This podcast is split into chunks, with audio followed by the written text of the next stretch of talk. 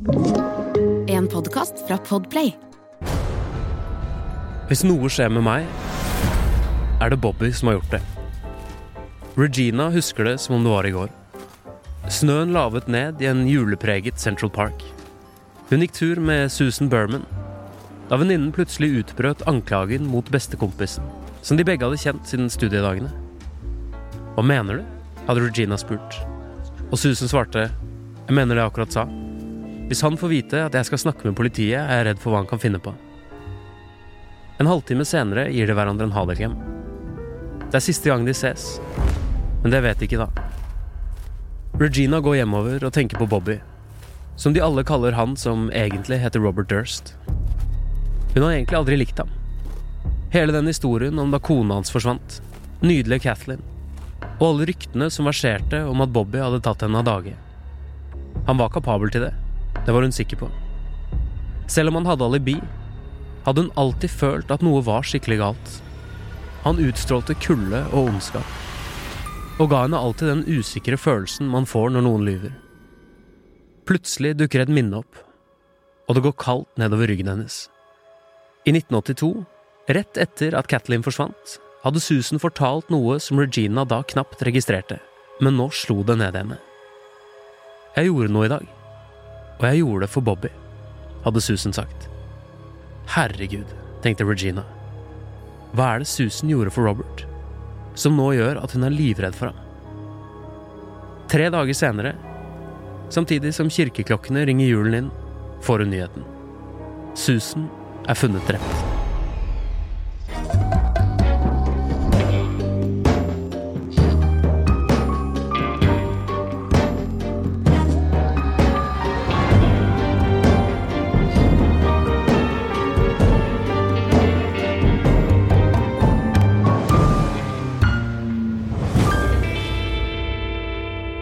Velkommen til dagens episode av På innsiden av Psykohoder med meg, Jonas Hoff Oftebro, og deg, Susanne Nordby Johansen. Hei, Jonas. Hei, Susanne. Du er jo nevropsykolog og spesialist i voksenpsykologi og jobber som rettspsykolog. Det gjør jeg fortsatt. Ja. Eh, og i dag så skal vi snakke om Robert Durst. Ja. Hovedpersonen bak kanskje verdens mest kjente true crime-serie, The Jinx. Jinx. Mm. Dette er en veldig annerledes sak enn saker vi har pratet om før. Mm. Og jeg vet jo eh, at du har en teori om Robert Durst som du ikke har sagt til meg. Nei, du får ikke vite det ennå. Nei, og det gleder jeg meg. Når du lurer gjennom hele episoden, så tar vi det på slutten. ja, Det gleder jeg meg skikkelig, skikkelig til. Men eh, aller først litt info om Robert Durst. Robert Durst ble født i 1943 som eldste sønn i den velstående familien Durst, som hadde bygget seg opp på eiendom i New York. I løpet av de neste syv årene fikk han tre søsken, som han hadde et konkurrerende forhold til mesteparten av livet. Da han var syv år, tok moren livet av seg ved å hoppe fra taket på bygningen de bodde i, og hendelsen preget ham sterkt. Faren var svært fraværende, og Robert var mye i konflikt med søsknene sine, noe som førte til at han ble psykiatrisk utredet som tiåring. Diagnosen var uklar, men mulig schizofrenilidelse. På skolen hadde han få venner, men som økonomistudent på UCLA traff han Susan Berman, som senere skulle bli hans bestevenn og offer. På tross av at Robert ikke ville jobbe i farens firma, ble han likevel tvunget inn i familiebusinessen, hvor søskenrivaliseringen fortsatte, og han ble rasende da faren mot alle tradisjoner ga sjefsstolen til lillebroren i 1992. 20 år tidligere hadde Robert blitt sammen med Kathleen McCormack, men deres turbulente ekteskap endte i 1982, da hun forsvant, brått og uforståelig. Robert var i politiets søkelys, men han hadde alibi og en mulig medsammensvoren, og hun het Susan Byrne. Åtte år senere skilte han seg fra sin fremdeles forsvunne kone. Julaften 2000 ble Susan funnet skutt i leiligheten sin, og Robert kom på nytt i politiets søkelys, uten at de fikk han dømt. Senere samme år ble Kathleen-saken gjenopptatt, og Robert gikk i dekning under ny identitet som en stum kvinne i Galveston i Texas. I oktober 2001 ble han til slutt arrestert, etter at de parterte likdelene til hans nabo i Galveston ble funnet i sjøen. Etter flere tiltaler og rettssaker uten tilstrekkelig bevis ble Robert til slutt arrestert i 2015 etter å ha tilstått for åpen mikrofon i TV-dokumentaren The Jinx. Han ble frikjent for drapet på naboen, og aldri dømt for drapet på kona Kathleen. Hun ble erklært død i 2017, selv om kroppen hennes aldri er blitt funnet. I 2021 ble Robert Durst dømt til livsfarlig fengsel for drapet på Susan Berman. Året etter døde han av covid-relatert sykdom. Da var Robert 78 år.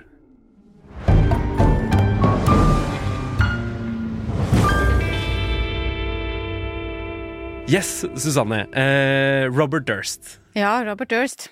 Where to begin? Eh, han er jo eh, veldig annerledes fra alle andre vi har snakket om, særlig på én parameter. Han er jo vokst opp i et kjempeprivilegert hjem. Han er fra en utrolig rik familie. Han har kommet til verden med de beste forutsetninger for å klare seg veldig bra her i verden. Hvis vi skal dypdykke litt i de familierelasjonene der, så har det nok mest sannsynlig ikke vært helt eh, gull og grønne skoger, selv om de hadde masse penger. Vi har jo litt informasjon om hvordan eh, pappaen hans behandlet han, og en god del om søskenrivalisering.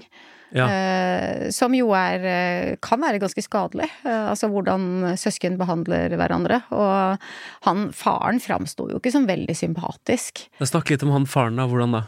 Nei, altså eh, Når de snakket om mammaens eh, selvmord, da, Mm. så er det jo noen steder det står beskrevet at faren tvang Robert til å se på. Ja, Og at faren da, faren da faktisk står og ser ut av et vindu og ser at denne mammaen hopper i døden uten å gjøre noe.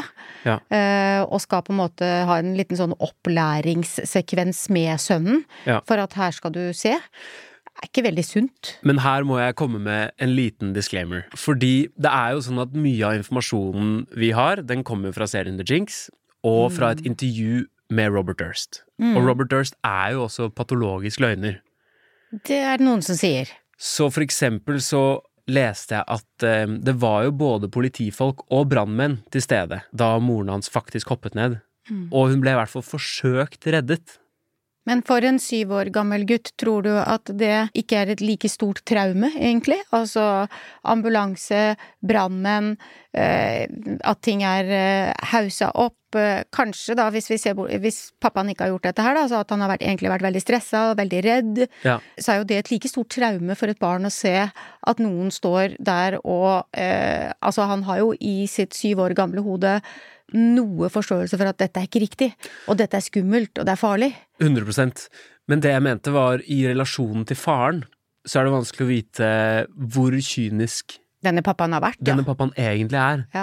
For det er jo når eh, filmen All Good Things kommer i 2010, som vi skal snakke mer om senere, så er jo en av de tingene Robert henger seg veldig opp i og blir veldig glad for, er at han blir fremstilt som en ung mann med et veldig vanskelig forhold til faren sin. Mhm. Så det er åpenbart at for han, i hvert fall, så er det en sånn Han har jo hatt et vanskelig forhold til faren sin. Ja. Og det er jo det han opplever. Men det er jo ikke sikkert faren opplever å ha hatt et like mm, vanskelig forhold til sønnen. Selv om jo mye kan tyde på det, da. Jeg er jo litt sånn tilbøyelig til å tenke at det her, ting har ikke vært greit i den familien, altså. Altså, hun moren, det blir jo sagt at hun er syk og går på noen medisiner, og at det er derfor hun hopper ned fra taket. Ja. Men det Og hvis moren har vært syk, Ja. så har hun vært en ustabil eh, mamma. Ja. Eh, hun har ligget til sengs, kanskje. Hatt en depresjon, hvis det er det som har gjort det. Altså, det er jo stort sett de som er deprimerte, som kanskje forsøker å ta livet sitt og klarer å ta livet sitt. Ja. Hvilket betyr at han, han har hatt en vanskelig relasjon og en utrygg relasjon til mammaen sin. Jeg har lyst til å fortelle litt om hvor skadet denne mannen kanskje var helt fra barndommen, han òg. Ja. Vi skal snakke litt mer om det seinere. Ja, fordi han blir jo sendt til eh, psykolog allerede som tiåring. Fordi han sliter veldig med at moren hans har tatt selvmord, som er forståelig. Og da blir han diagnostisert med psykologisk dekompensasjon, eller til og med schizofreni. Men kan vi starte med psykologisk dekompensasjon, for det har vi ikke vært innom ennå. Nei. Altså når du psykologisk dekompenserer, så hvis du har hatt et helt vanlig funksjonsnivå Mm. ja, Du har eh, gått på skolen, du har gjort leksene dine, du har lekt med brødrene dine, eh, og du kommer til måltid, du spiser mat, og du tar vare på deg sjøl, du går i dusjen. Når du dekompenserer, så blir disse funksjonene borte. Ja. Altså en dekompensasjon vil si at du, du mister funksjoner. Ja. Det vil si at du kanskje bare ligger i senga di og sover istedenfor å stå opp, du vil ikke gå på skolen, du gjør ikke lekser, du, du, du, du mister funksjoner som du har hatt. Og det kan være Ja. negative symptomer på en schizofreni. Å ja, negative symptomer? Ja. Schizofreni har har symptom? positive og negative symptomer. Ja. Eh, Positive symptomer har vi snakka masse om før. Det er stemmehøring og visuelle og, og auditive hallusinasjoner. At du får vrangforestillinger. Ja. Det følger veldig ofte med også negative symptomer. Ja. Negative symptomer er når noe blir borte. Altså positive er noe som kommer til. Ja. Så det negative, det er at du da mister evnen til å ta vare på deg selv. Du slutter å vaske det. Du ligger i senga. Kan tenke at du er, alt er håpløst. Du kan se på det som litt sånn depressivt, da. Ja. Så den daglige livsfunksjonen du har sett hos en person, Ja. som da blir borte, det er negative symptomer. Mm, ja, Og så blir de ofte litt flate i mimikken sin, altså de taper det ikke-språklige. Derfor så blir de jo ofte også mistenkt i tidlige forløp at dette kan være barn med autismespekter eller nonverbale lærevansker. Kroppen blir også da uten motorikk, da, nedsatt. Det er sånn jeg forstår den psykiateren som da har sett på Robert når han var ti år, Ja. så beskriver han da at han har tapt funksjoner som han har hatt tidligere. Og er det derfor han da også sier at det kan være mulig schizofreni? Ja, mest sannsynlig, for har han tenkt at dette kan være da tegn på en schizofreni i utvikling, hvor de negative symptomene syns først. Ja. Mm. Fordi Eller det vi kaller en prodromalfase til en utvikling av en schizofreni. Prodromal. Ja. Da har du en del symptomer som ligger litt sånn underliggende. Ofte har du gjort det bra på skolen, og så klarer du ikke å gjøre det bra lenger fordi du får konsentrasjonsvansker, arbeidsminnevansker, Ja. og ikke klarer å ta vare på deg selv. Så det er en prodromal fase som ligger forut for at de positive symptomene blomstrer. Så har han også noen andre ting som jeg liksom tenker på som litt sånn stereotypisk schizofrene. Som er at broren beskriver han som at han har sånne forskjellige personligheter som han liksom skifter mellom. Mm. Ut ifra hvem han er med. Han kan være en veldig hyggelig fyr overfor noen, og så kan han bare snu på et sekund. Mm. Eller er det kanskje litt mer sånn sosiopataktig? Et eller annet sånn Han blir jo beskrevet av broren sin som en fyr nesten uten emosjon. Ja, det er jo den empatiforstyrrelsen, da. Før i tida så ble jo dette med schizofreni ofte kalt sånn uh, split eh, personality. Mm. Uh, at de ikke har stabilitet i måten de er på overfor andre mennesker. Og han har blitt kalt så utrolig mye rart, han Robert Durst. Det er jo nesten ikke sånn I hvilken ende skal vi begynne? Ja. Men dette har jo tydelig starta når han var liten. Og han har jo da kanskje ikke utviklet denne personligheten sin på en, det som vi kaller en frisk og sunn og vanlig måte. Og han har jo hatt en underlig måte å være mot mennesker. Ja. Eh, noen har han på en måte litt sånn elska veldig høyt, sånn som hun Susan Berman, som jo var inne i varmen i veldig mange år av livet hans. Og så Mm. har han jo liksom brukt litt mennesker underveis, som jo er svært lite empatisk. Så at han har hatt en empatiforstyrrelse, og at det vi har sett har vært en sånn type ja, kanskje narsissistisk personlighetsstruktur, da. Det kan jo vel så gjerne være. Ja, fordi broren hans beskriver også noe som jeg liksom opplever som sånn stereotypisk eh, rik eh, rasshølfyr. Ok. At han sitter liksom på en middag, og så har han noen nieser eller nevøer der som liksom ikke er like rike som dem. Og da kan han si liksom forferdelige ting til dem, og så er han broren som Hvorfor sier du det? Og så er han sånn Jeg bare, jeg ville bare se hva som skjedde. Han har ingen filter. Men òg at han liksom liker å se andre folk slite, da. Ja, eller så har han ikke noe filter og sier det han sitter og tenker på, mens du i sånn situasjon kunne jo sittet og tenkt det du òg, men du ville latt være å gjøre det fordi at du har empati, og hvis han da har den empatiforstyrrelsen og ikke impulskontroll Ja. Han har jo tydelig ikke, ikke kontroll på impulsene sine, det ser man jo etter hvert som åra går. Ja. Eh, Så at han, at han er en gutt som kanskje bare sier det han tenker på, uten å tenke over konsekvensene. Ja. Det kan jo være. Altså når du er vokst opp i en så rik familie som Ja. han, han hadde jo et, et forhold til penger og økonomi som eh, vi, vi vanlige mennesker ikke skjønner noen ting av. Ja, ja. Nei, De var en del av sosieteten, og hvorfor i all verden skal vi liksom innlemme disse her i, hos oss? Det kunne jo hende faren tenkte òg, men han visste at eh, han var nødt til å gjøre det. Fordi at eh, vi trenger å være venn med alle her i verden. Han hadde empati, men det har ikke Robert. Da sier han det, da. ja, for det er noe sånn ondskam for meg. Sånn, Ja, det kan jo være noe, noe sånn ondskapsfullt, men det kan også være en gjerne organisk eh, funksjonssvikt som han har knytta til sine frontallapper, som gjør at han ikke har impulskontroll. Ja. ja, spennende. Vi må videre. Ja.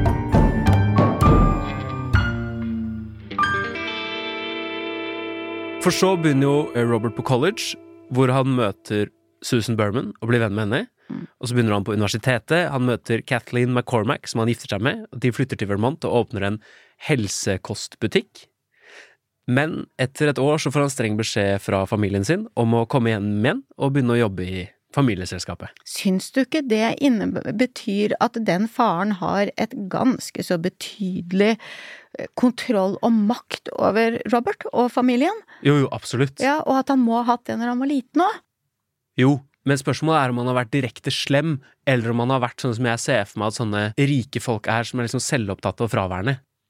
Jeg tenker at når faren beordrer han til å komme hjem, så er det åpenbart veldig hersketeknikkete. Mm. Og det må være utrolig provoserende for en som også er lav impulskontroll, gjør det han vil-type fyr. Har liksom endelig giftet seg, funnet et liv langt unna byen, Mm. og så blir han bare beordret hjem. Sugd inn igjen i bedriften som han egentlig kanskje ikke ønska å ha noe med å gjøre. Og da går jo livet hans Altså, det begynner jo å gå nedover. Var det ikke da han også begynte å, å utøve vold sjøl mot uh, Kathleen? Eller i hvert fall så er det jo noen som sier at eh, han har gjort det, da. Han sier det jo nesten selv i The Jinx. Mm. Ja. Han sitter og sier sånn at de hadde krangler hvor de dyttet hverandre. Det høres ut Mm. Veldig pent. Yes. Å dytte hverandre er veldig pent. Ja. Ja. Men når du innrømmer det, da føler jeg da har du slåss. Han tar jo på et tidspunkt og kaster en liter vann på henne i et selskap foran masse folk. Kombinasjonen da ondskap, voldelige tendenser og manglende impulskontroll. Hva å, har du da? det begynner å se dårlig ut. Det begynner å se fryktelig dårlig ut for både det ene og det andre. Ja, for de er jo også begge utro. Mm. Eh, og så lurer jeg litt på hvorfor de ikke skiller seg. Det kan jo ha med status å gjøre, og det kan jo ha med familie og relasjoner å gjøre. Kanskje han ikke fikk lov av faren sin å skille seg, for det, da taper du ansikt, da.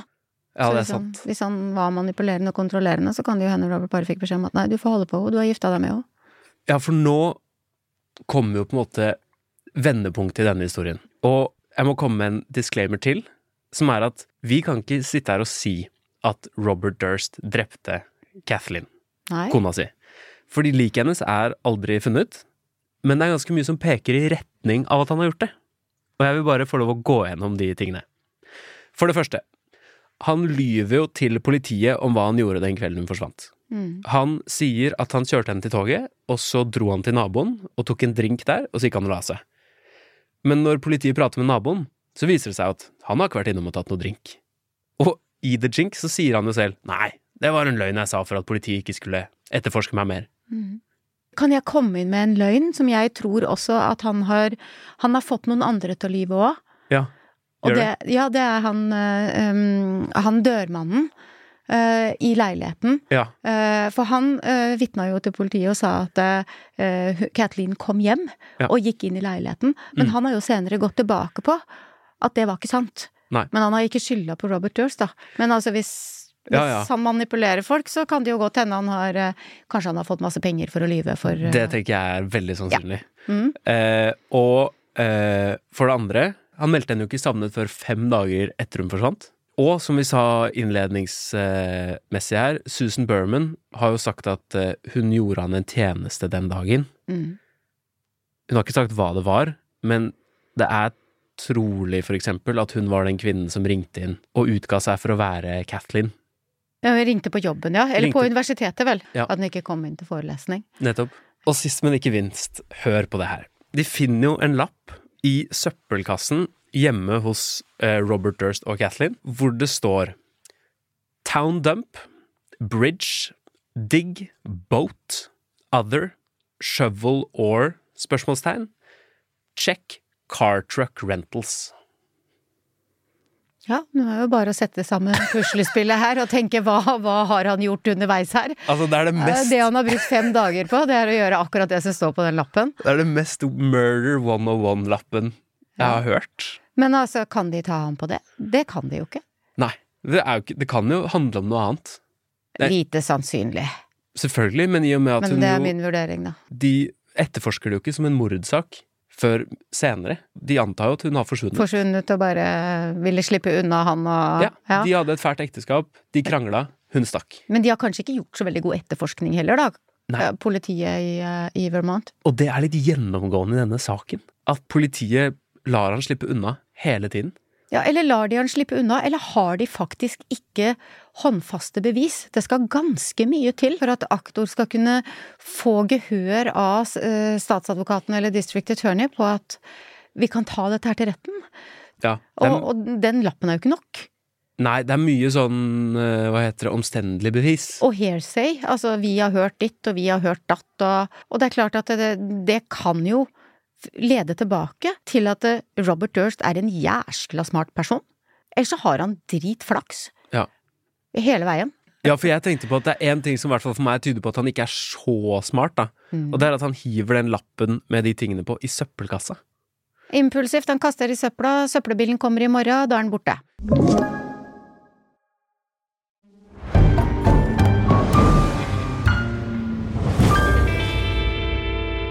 Det er også noe vi ikke har snakket om så mye, som er at veldig ofte for meg, eller jeg opplever at i disse sakene vi jobber med, så er det sånn at når vi har seriemordere, rett etter de gjør et mord, da gjør de ofte en feil. Da er de ofte stressa. Og hva gjør Robert Durst? Ja, nei, han skriver den lappen og kaster den i søpla, da. ja, ellers så er det arbeidsdokumentet hans. For Mm. at han skal kunne klare å gjennomføre dette her, så trenger han faktisk en lapp. Ja. Check, check, Ja. check. Sant? Og det siste, det var Check det er der car truck rentals. Car Truck Rentals. Han har jo leid seg en bil. Ja. og han må huske å levere den. Og han har vært innom en bru. Du kan jo sette sammen en historie her. Ja ja, du kan det. Skal ikke veldig mye fantasi til. Nei, nei. Og, og jeg, jeg tror dette er arbeidsdokumentet hans. Det er det han trenger. Og Ja. det, det sier noe om Robert Durst, som jeg skal snakke om etterpå, som du lurer fælt på. Ja, det gleder jeg meg til. Ja. Men det vi vet, da, det er at Robert han blir rarere og rarere etter det her. Han begynner å snakke med seg selv på interne møter på jobb. Han tisser i søppelkassa til broren sin og til onkelen sin, og han har et våpen på pulten på jobb. Mm. Det ender da med at broren blir satt opp som nye arvtakeren av businessen, mens Robert slutter, og han begynner å reise rundt i landet. Og da tenker jeg, hva er det som skjer? For for meg så høres det litt ut som en sånn påbegynnende mental lidelse. Mm. Hvis du sitter og snakker med deg selv høyt på interne møter på jobb, og tisser i søppelbøtta til Ja, det kan tyde på stemmehøring, da. At han prater med noen. Ja. Hvis du ser på hvordan han reagerte når mammaen døde, Ja. altså de tre åra etterpå der, så hadde han jo den psykologiske dekompenseringa og mulig schizofreni, Mm. og nå skjer det jo noe igjen, sant? Ja. Og han begynner å oppføre seg veldig rart. Så dette er vel hans reaksjonsmønster når han blir veldig stressa.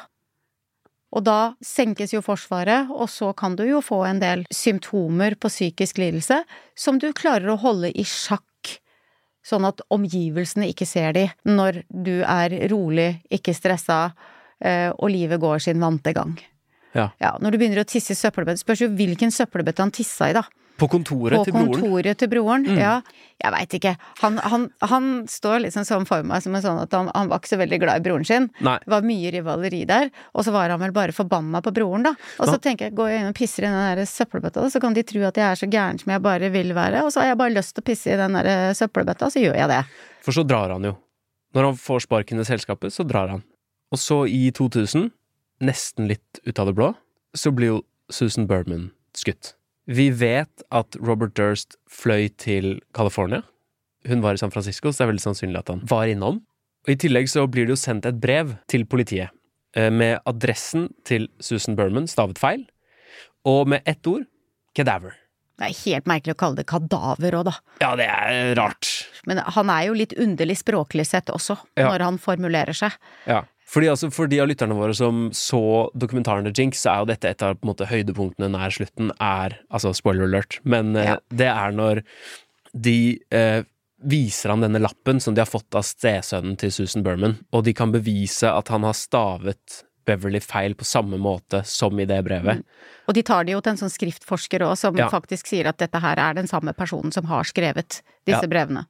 Så det er jo utrolig sannsynlig at han har skutt og drept Susan Berman. Men da lurer jeg på, for det første, hvorfor? Nei, altså, hvis hun var med på det som skjedde tidligere, da, Ja. eh, så kunne det jo hende at han hadde en idé om at nå kommer dette her til å eksplodere igjen. Eh, Og nå er det en del andre ting som skjer, så politiet kommer til å hanke meg inn, og så kommer ting for en dag, da.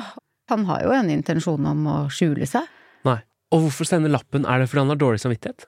Ja, og at han kanskje ikke ville at hun skulle bli liggende i den leiligheten, fordi at eh, når det gjaldt Susan Berman, så har jeg en sånn en litt følelse av at hun ikke var helt psykisk frisk, hun heller. Eh, så hun hadde noen tendenser til å isolere seg og være litt alene. Hun var litt eksentrisk. Ja. Uh, og litt sånn mer spoiler alert, hvis du ser den til Jinx og ser hvordan uh, Hvis det de har filmet der faktisk er uh, riktig reportasje Mm. fra hennes leilighet, så vitner ikke dette om noe særlig rik mafiadatter. Det var veldig kummerlig, og hun Det var også noe med noe penger. Ja. At hun lånte penger her og der. Så, så jeg vil tenke at Robert kanskje har vært litt redd for at hun kom til å si et eller annet. Ja. Og noen spekulerer jo om hun utpressa han for penger. Ja. Og så skyter han henne for å bli kvitt problemet. Selvfølgelig. Fordi hvorfor dreper Robert Durst? Det er fordi han føler seg trengt opp i et hjørne. Han på en måte Virker veldig sånn. Han, han blir stressa, blir trengt opp i et hjørne, blir, eh, er redd for å bli avslørt. Han vil jo selvfølgelig ikke i fengsel. Han har jo egentlig ikke blitt avslørt for eventuelle drapet på kona. Eh, Så han tenker vel at da gjør jeg det på nytt igjen. Men den lappen, da, var jo det du egentlig spurte om. Ja. Hvorfor sender han den lappen til politiet? Ja. Det må jo være fordi at han faktisk brydde seg om henne. At det Ja. var en av de få personene som han faktisk brydde seg om. Jeg tror ikke han hadde noe særlig følelse for noe særlig andre mennesker Nei. enn henne. Eh, og at han da ikke ville at hun skulle på en måte bare bli stua bort eh, i, eh, i den leiligheten, eller altså bare råtne opp der, da. Ja. Ja. Nei, for nå skjer det noe rart i historien. Saken med Cathy blir jo faktisk tatt opp igjen. Robert går under jorda, og han forkler seg som en dame. Ja. Han utgir seg for å være stum. Han går med liksom parykk og barberer øyenbrynene sine. Hva, hva er det som skjer her? Han prøver jo for enhver pris å gjemme seg for politiet, tenker jeg. Men altså, jeg, jeg tror han gjør en del sånne ting fordi at han rett og slett er litt eksentrisk. Det er jo litt rart. Men han var jo også en person som mange visste hvem var. Sånn at han tenkte da, jeg må gjemme meg, da må jeg kanskje ta på meg en parykk og, og så prøve å gjøre meg ganske ugjenkjennelig, da. Eh, Men hvorfor dame? Han kunne jo blitt ugjenkjennelig med en mann med bart og Ja, eh, brunt hår og Eller hippieskjorte. Altså, ja han burde jo det. ja. Men da tenker jeg litt av den derre eh, eksentrisiteten og rariteten og Ja. kanskje noe av det psykotiske hos han kommer opp, da. Ja. Det er jo veldig mange som har en de som har en såkalt hebefren schizofreni, som de er veldig rare. De er veldig annerledes i måten å være på. Ja. Som også er en type schizofreni, som er mer den derre Så du har hørt om den derre bygderaringen som eh, bor i ei hytte og oppfører seg rart og Ja, ja. veldig avvikende og sånn. Ja. Ikke noe du egentlig kan putte fingeren på, men, men, men de har ikke helt gått inn i hodet sitt, da. Så kanskje. Så hvem veit? Hvem veit?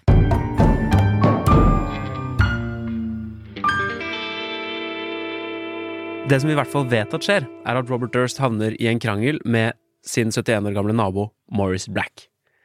Morris Black blir skutt, og så blir han partert. Og så begynner delene av kroppen hans å dukke opp i en elv. Mm. Og når de da finner ut at det er Morris Black og sporer han tilbake til leiligheten, så tar det ikke lang tid før de finner ut at denne 71 år gamle damen som har bodd der, egentlig er Robert, Durst. Og så tar det ikke lang tid før han blir arrestert, men så de, Dommeren vet ikke hvem han er, så han poster en bail på 300 000 dollar, som Robert Durst betaler, Betaler glatt, med ja, han har penger. mannen. og så stikker han. Mm. Men når han da blir arrestert, så er det på en bensinstasjon for å ha stjålet en pakke plaster og en sandwich. Han lyver, han stjeler, Ja, han gjør men patologisk så det holder. Men er det ikke utrolig gøy at han blir tatt for å uh, ha stjålet eh, Plaster? plaster og en sandwich når han har 37 000 dollar i cash i bilen utenfor? Hva er det for noe? Han vil bli tatt. Ja. Han har jo en holdning til både autoriteter og til livet som er ganske sånn nonchalant. Ja. Jeg kan vel bare ta det her? Ja, og- Ja. og en ting er liksom å stjele det, men også når du vet at politiet leter etter deg for liksom å ha skutt noen. Ja. I hvert fall, han blir arrestert. Han kan ikke ha vært smartest, eh, Jonas. Nei, han kan ikke det. Nei. De finner jo også, I bilen så finner de våpen, de pengene vi sa, marihuana og førerkortet til Morris Black. Mm. Men han blir eh, dømt. Han får en rettssak mot seg. Han blir ikke dømt for drap. Når du har, når du har gode nok advokater i USA, så kan du liksom få gjennom hva som helst. Hva som helst. Ja. Ja. Fordi han ender jo opp med å sone seks måneder i fengsel, tror jeg. Og så går jo egentlig livet hans sin vanlige gang. Mhm. Han blir ikke etterlyst for drapet på Susan Berman. Etterforskningen på Cathy, kona hans, den dør ut. Helt til det i 2010 kommer en film som heter All Good Things, hvor Ryan Gosling spiller Robert Durst, og hvor Robert Durst blir utrolig glad for den historien og for fremstillingen av seg selv, så han tar kontakt med regissøren og tilbyr seg å gjøre et intervju. Og det er på en måte grunnlaget for The Jinx. Hvorfor tror du han plutselig får sånn eksponeringsbehov? Han har jo levd et helt anonymt liv. Det er jo ingen som vet noen ting om hva han har gjort, eller noe som helst, og så plutselig så skjer det noe, nå er noen interessert i meg igjen. Ja. Aha, nå kan jeg spille på denne arenaen igjen. Ja. Dette liker jeg. Ja. Og så kommer han ut på arenaen igjen. Ja. Kanskje det dummeste han gjorde. Vi må snakke om I eh, avslutningen på TV-serien The Jinx, og jeg beklager hvis du ikke har sett den, men du, da får du bare ta på pausen, og så må du bare se den, og så komme tilbake. I slutten av serien The Jinx så er det et magisk øyeblikk hvor han blir konfrontert med brevet fra stesønnen til Susan, og hvor han, liksom, han blir helt ute av seg, forlater intervjuet, ber om å få ta en pause, Ja. eh, glemmer at mikrofonen er på, og begynner å snakke med seg selv på badet. Og da sier han They know it, they know it. What did you do? Kill them all, of course. Ja. Så han sa jo egentlig at eh, dette har jeg gjort. Ja. Han blir jo ikke arrestert mens intervjusituasjonen pågår. Nei. Han uh, slippes løs, og så går det tre år, og så mens serien går på HBO, så blir han arrestert. Da finner politiet han med fake ID, 40 000 dollar, lateksmaske og ulovlig våpen. Og hasj. Og hasj. Eller cannabis. Jeg må nesten spørre Tror du at det er en sjanse for at han har begått andre mord òg, som vi ikke vet om? Det tror jeg. Det har jo Han er jo De mistenker han jo inn i tre andre saker, som de aldri har fått bevist, da. Men jeg syns jo egentlig de ikke har fått bevist noen ting når det gjelder han. Nei. Så enten er han utrolig smart, eller har flaks.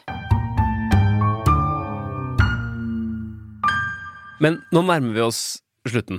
Vi må nesten få høre teorien. Jeg Er du spent? Ja, veldig. Ja. Eh, det, det er flere. Det er flere? Ja. Ok, gøy. Eh, vi kan egentlig starte med mammaen, helt langt tilbake. Hvis du ser veldig godt på Robert Durst Han ligner ikke på broren sin og de andre søsknene sine, hvis du ser på hvordan de ser ut. Okay. Hvis du finner et bilde Raskt av Robert Durst, må du google, og så må du se. Ja. Så ser du at han har det som vi kaller for dysmorfe trekk.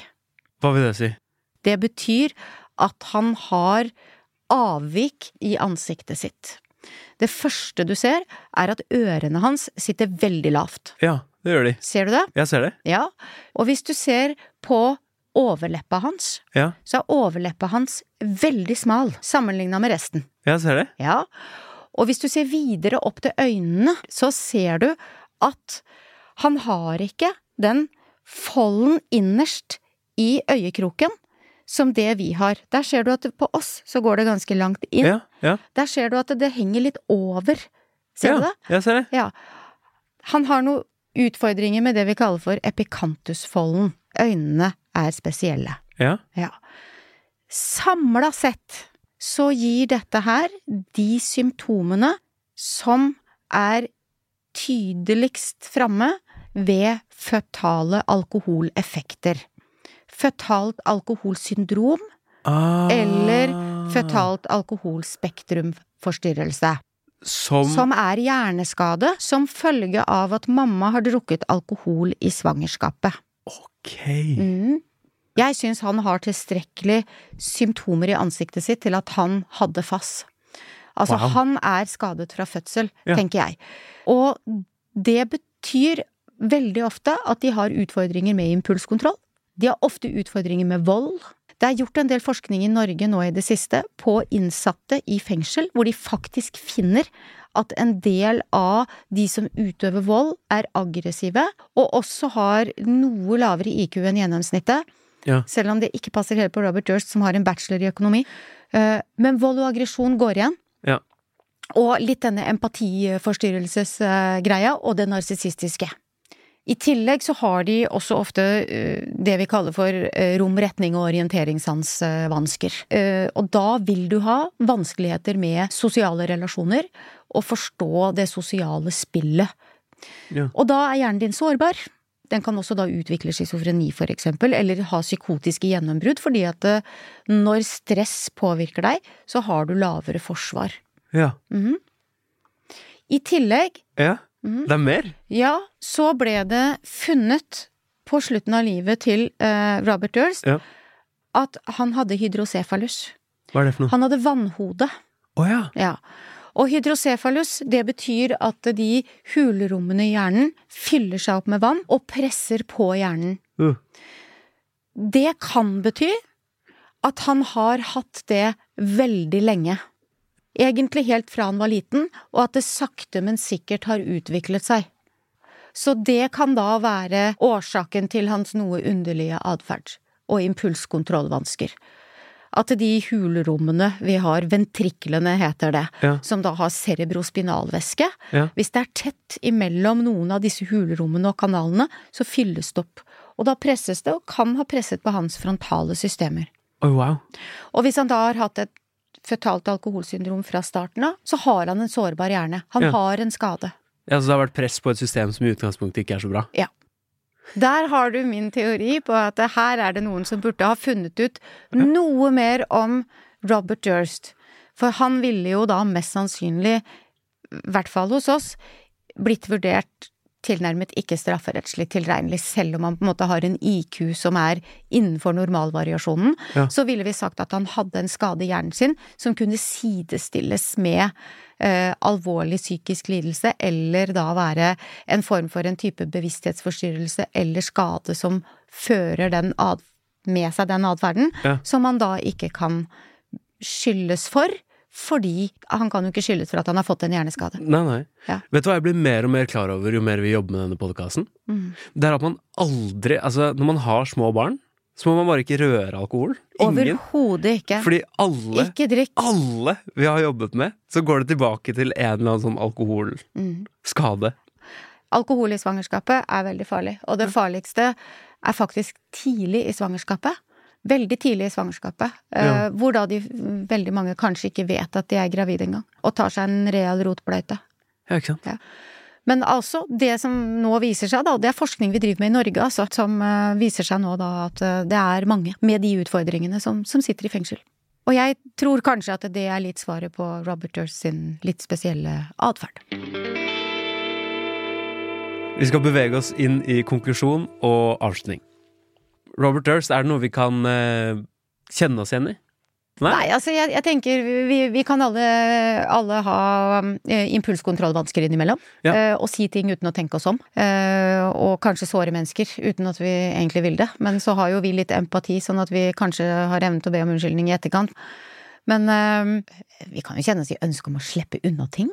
Ja, ja. Jeg kan også kjenne meg igjen litt i det ønsket om å være litt sånn eksentrisk, jeg. Ikke være som alle andre. Det er kanskje også det at vi liksom, Hvis jeg hadde rømt, så tror jeg også jeg hadde syntes det var litt sånn kult å prøve å gå for en sånn identitet som dame.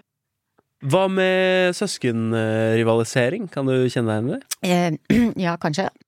Jeg hadde en forferdelig plagsom lillebror. I hvert fall så syns jeg han var veldig plagsom. Nei, det var nok litt søskensjalusi. Det kan jeg jo kjenne meg igjennom. Men Ja. så veldig mye rivalisering, jeg vet ikke. Men jeg tror de fleste av oss som har søsken, kan kjenne oss igjen i at vi er misunnelige eller sjalu på at den får mer oppmerksomhet enn meg, eller sånne ting, da. Men de, de fleste av oss lever jo opp ganske bra likevel, selv om vi har uh, Ja. litt sjalusi mot uh, søsknene våre. Ja. Men det kan gå veldig gærent òg.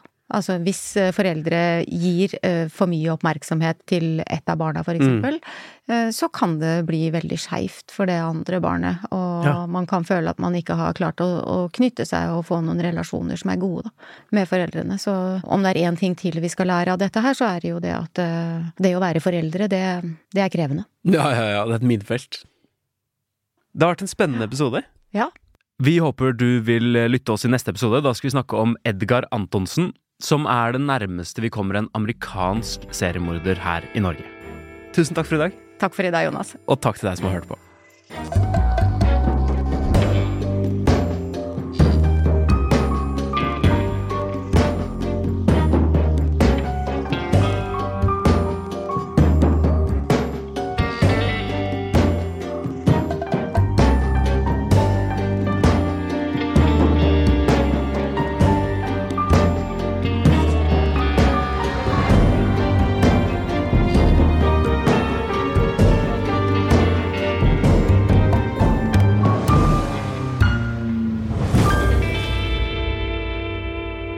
Du har hørt en podkast fra Podplay. En enklere måte å høre podkast på. Last ned appen Podplay, eller se podplay.no.